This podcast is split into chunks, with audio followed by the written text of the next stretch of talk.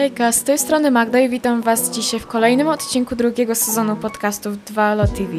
Jest dzisiaj ze mną tegoroczna maturzystka klasy czwartej F o profilu międzynarodowym, Amelia Szmalc i witam Ciebie bardzo serdecznie. Hejka, super, dzięki za zaproszenie. Wiele osób ma bardzo dużo pytań odnośnie profilu międzynarodowego, a dokładnie samego programu IB. Dzisiaj Amelia trochę nam na ten temat opowie i rozwieje wie wiele wątpliwości dotyczących właśnie tego programu. Więc tak zaczynając, uważam, że powinnyśmy e, zacząć od tak zwanego fundamentalnego pytania, e, czyli pytania, które jest bardzo często zadawane przez osobę na dniach otwartych, czyli tak naprawdę forma nauki. E, w jakich grupach się uczycie e, i czy sami wybieracie sobie rozszerzenia, bo to jest właśnie takie specyficzne w tym profilu, że nie masz narzuconego chyba od góry, prawda? Mhm, tak, więc e, jeżeli jest się na przykład w liceum czteroletnim, tak jak w moim przypadku, to a, pierwsze dwa lata są e, takie osadzone jakby w polskiej podstawie programowej i dopiero ostatnie dwa lata to jest e, wybór przedmiotów, które się chce. I one są w grupach to zależy jaki przedmiot. Jeżeli to są bardziej takie popularne przedmioty, to te grupy mogą być takie do parunastu osób, czasem nawet 15, jeżeli, jeżeli chodzi o matematykę, ale mogą być też takie, gdzie są dosłownie tylko dwie, na przykład trzy osoby, um, ale raczej większość to są takie przedziały od 5 do, do 10, powiedzmy, do 12, coś takiego. Czyli to jest całkiem tak wygodnie, tak? Co nie? Tak, to są takie dosyć kameralne zajęcia, gdzie jakby to skupienie nauczyciela na jakby uczniu jest o wiele wyższe niż w, niż w polskim systemie, gdzie tych uczniów jest na przykład po 30 osób w klasie.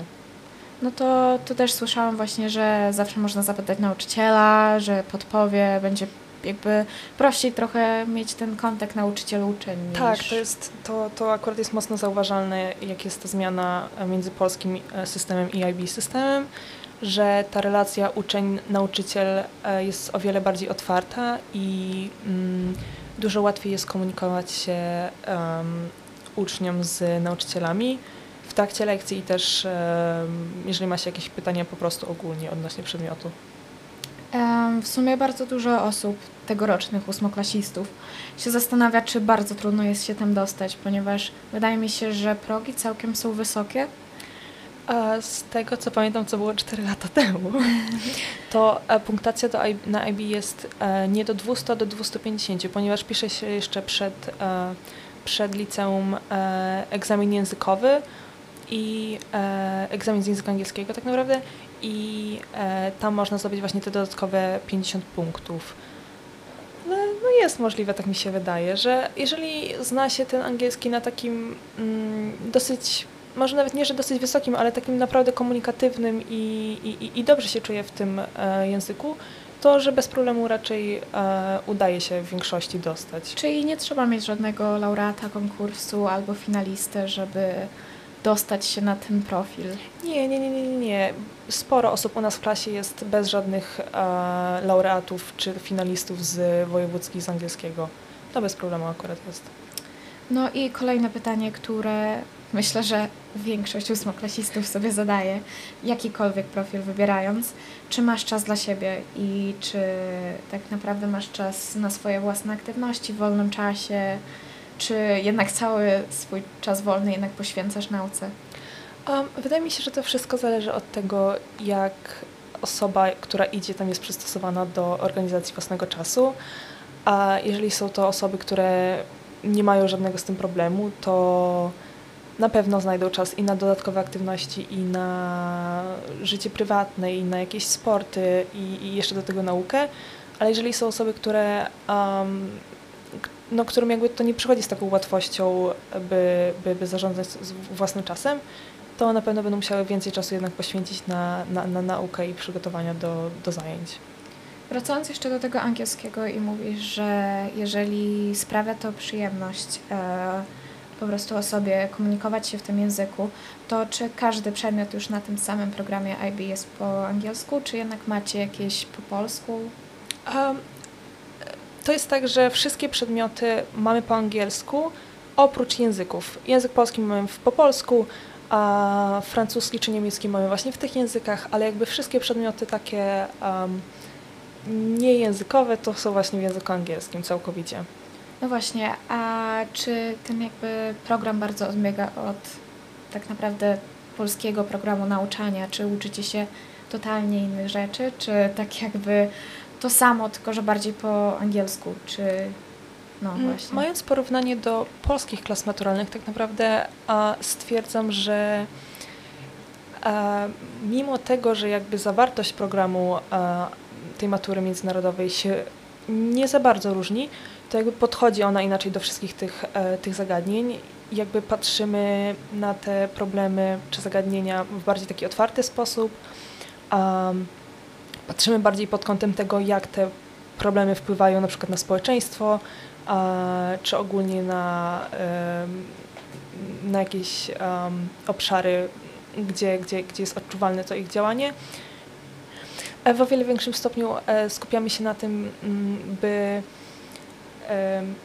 bardziej zrozumieć zagadnienie niż e, po prostu wyklepać je tak na przykład na pamięć czy coś w tym stylu. Takie głębsze podejście jakby do tego jest. Myślę, że studia w Stanach są bardzo popularnym tak naprawdę punktem destynacji naszych uczniów i to nie tylko z profilu IB, ale jednak bardzo dużo osób, które myśli poważnie, czy iść na studia do Stanów, to czy powinni wybrać profil IB, czy jednak polskia, polska matura jest wystarczająca, żeby się dostać do studia za granicą? Teraz akurat właśnie są już te terminy, gdzie, mm, gdzie ta aplikacja jest albo już zamknięta, albo właśnie się kończy. I jakby jest to często taki właśnie mielony temat w tym momencie, ale mm, podczas aplikacji jakby żadnym wymaganiem nie jest IB, więc a, da się bez problemu pójść na studia w Stanach a, bez matury międzynarodowej. A jakby tym głównym um, punktem, który trzeba odhaczyć sobie na liście jest ta znajomość angielskiego. Łatwiej jest uczniom IB e, osiągnąć te wyższe poziomy w tych egzaminach z angielskiego niż osobie z polskiej matury, która jakby nie korzysta z tego języka tak na co dzień w takiej dużej ilości. Ale jakby IB samo w sobie nie jest żadnym wymaganiem, by, by iść na studia w Stanach. Na pewno podejście jakby tego, jak matura e, IB jakby patrzy na świat, jest bliższe y, tym programom amerykańskim niż, niż polskim.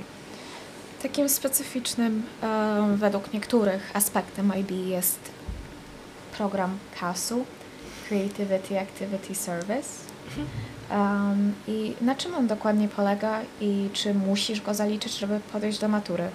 Więc żeby jakby mieć zdaną tak już całkowicie na maksa maturę, to trzeba mieć właśnie zdany zdany program CAS i to jest głównie 18 miesięcy jakby Twojej działalności mm, poza samą nauką. Są trzy kategorie, Creativity, Activity i Service uh, i to są głównie wolontariat, sport i jakaś działalność taka bardziej kreatywna.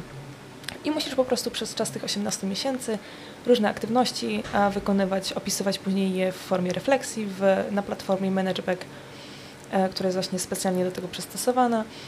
I um, jeżeli na przykład niektórzy uczniowie IB e, robią te aktywności tylko i wyłącznie pod ten kas, no to na pewno jest to cięższe, że tak powiem, e, wymaga to od nich więcej takiego poświęcenia powiedzmy, a jeżeli ktoś mm, tak jakby naturalnie te czynności i tak by wykonywał e, w trakcie jakby tego okresu liceum, to nie wydaje mi się, że to jest aż takim problemem. No jedynie to pisanie refleksji, ale to jest um, raz na dwa tygodnie z, jakby z każdych aktywności powinno się pisać, więc wydaje mi się, że można znaleźć na to czas raz na dwa tygodnie. A jakie są na przykład przykładowe takie aktywności wolontariackie albo sportowe, jakie ty na przykład używasz?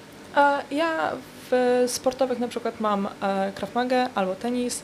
Raz e, na dwa tygodnie właśnie wpisuję sobie któreś z tych, e, z tych zajęć i, i, i piszę jakąś refleksję odnośnie dwóch tygodni poprzednich.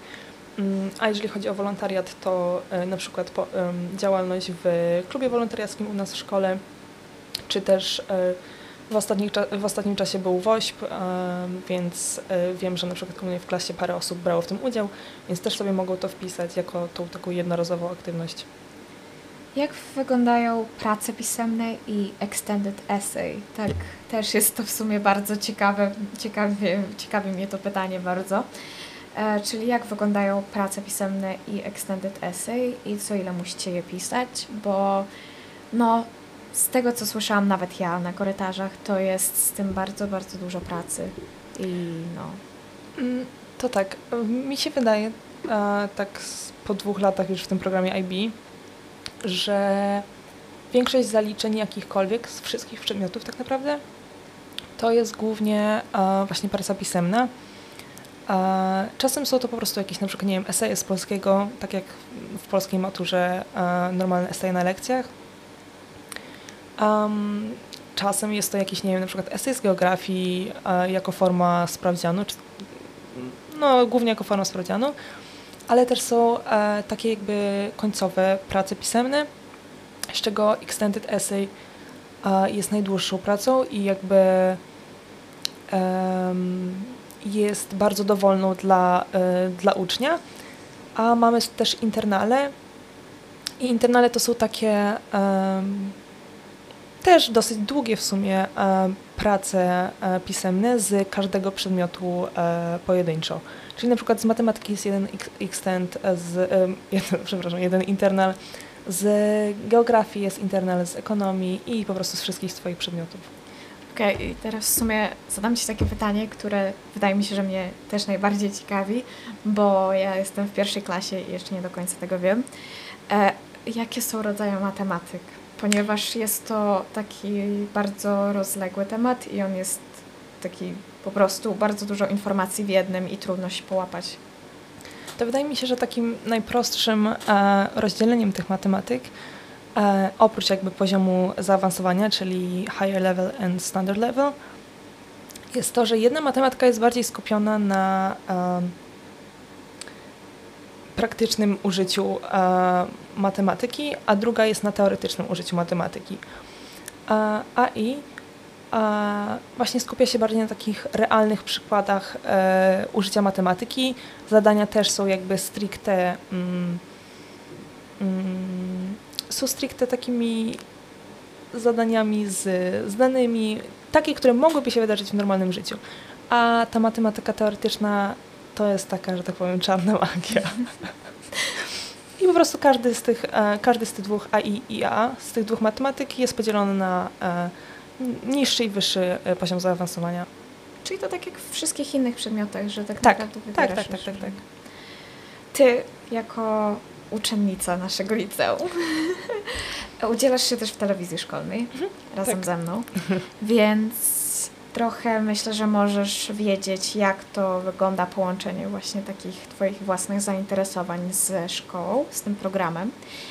I jak ty myślisz, czy masz, nie wiem, może jakieś doświadczenie albo znasz osoby, które połączyły IB ze szkołą muzyczną, ponieważ to jest jakby takim tematem wielu sporów jakby albo pytań po prostu, bo jednak szkoła muzyczna wiemy, że zajmuje bardzo dużo czasu od ucznia i jeżeli IP również zabiera, no to tak trochę nie wiemy dokładnie.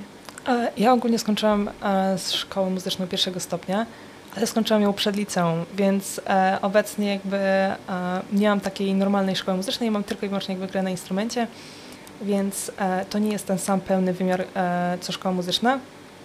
Wiem natomiast, że parę osób w naszej klasie zrezygnowało ze szkoły muzycznej w momencie, kiedy jakby zaczęło głębiej, że tak powiem, wchodzić w to IB.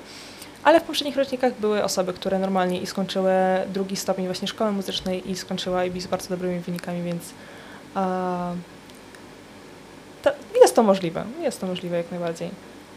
Jeszcze takie ostatnie pytanie, żeby już tak ładnie zakończyć, to jak wyglądają u Was różne projekty? Ponieważ widzimy na korytarzach naszej szkoły dużo różnych plakatów wywieszonych, zrobionych przez klasę IB i czy jest ich bardzo dużo i jak one są jakby zadawane?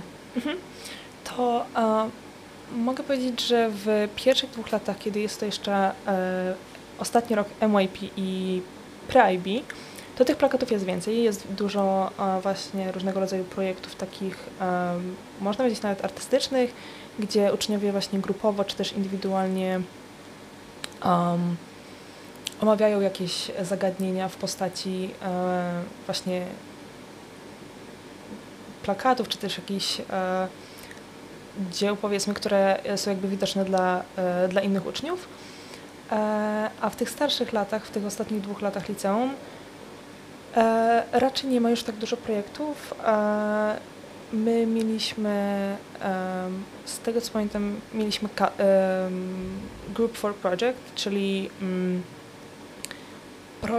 projekt, e, który mm, był robiony w ramach e, przedmiotów science, czyli biologia, chemia, fizyka, informatyka. I robiliśmy po prostu. e, musi być to jakby projekt grupowy, e, tam jest określona ilość osób i my to zrobiliśmy w formie e, wydania, jednego wydania e, gazetki The Ivy Times. Dziękuję bardzo, Ameli. Dzięki wielkie. I do usłyszenia w kolejnym odcinku. Mam nadzieję, że Wam się podobało i mamy nadzieję, że rozwiałyśmy Wam również wiele wątpliwości dotyczących tego programu, więc do usłyszenia.